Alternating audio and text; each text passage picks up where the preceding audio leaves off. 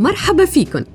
يعني والله حلوة ومو حلوة صور الأكل جنب صور الناس بالإنستغرام. سألت حالي إنه هلأ كتير طبيعي نفتح ألبوم صور على فيسبوك أو إنستغرام أو Google Photos ويطلع لك من بين الصور صورة محمرة أشقوان صحن سوشي وبعدين صورة مسخن فلسطيني أو سلطة جرجير. لشخص ما عنده فكرة عن فوائد الجرجير؟ وسألت حالي هل يا ترى كان عنا هي العادة قبل تطور التكنولوجيا؟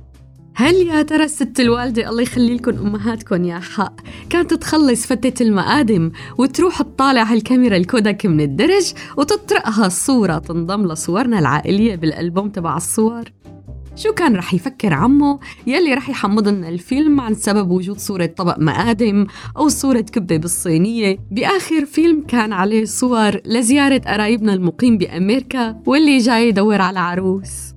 هل يا ترى وقت كنا نروح عند بوز الجدي لما بلش يزين وش الصحن تبع التسقية بالرمان والكاجو والبقدونس؟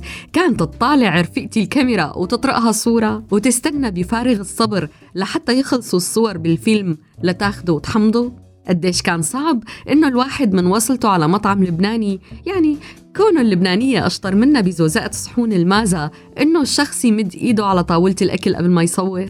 فمثلا على الرغم من انتشار صور الأكل بعدد من المراحل بالفن التشكيلي عبر العصور كجزء من تصوير الطبيعة الصامتة. بس ما انتقلت هي الظاهرة بشكل كتير كبير مع اختراع التصوير الضوئي.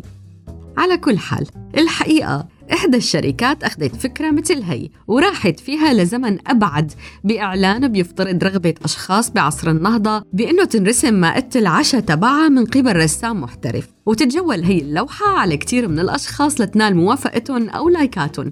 like بلغة اليوم. وتلف هاللوحة وترجع أخذ عدد من اللايكات. وهيك فيها العائلة كلياتها تاكل بعد ما تلجت الوجبة. الإعلان يلي انتشر بشكل كتير كبير حمل شعار هي وجبة أكل مو مسابقة تصوير وبعدها بتطلع جملة let's relax أو رواق يا حبيب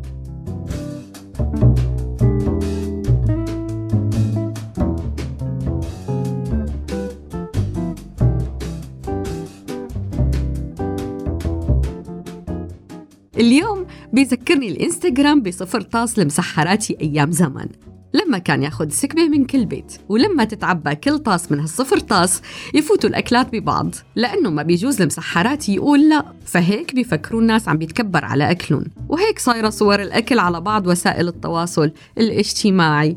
وبضل بسأل حالي يا ترى الطعمة طيبة مثل الصورة ولا شي تاني؟ مع هي الفكرة بترككن ومع منقوشة جديدة بحلقات جاية. سلام.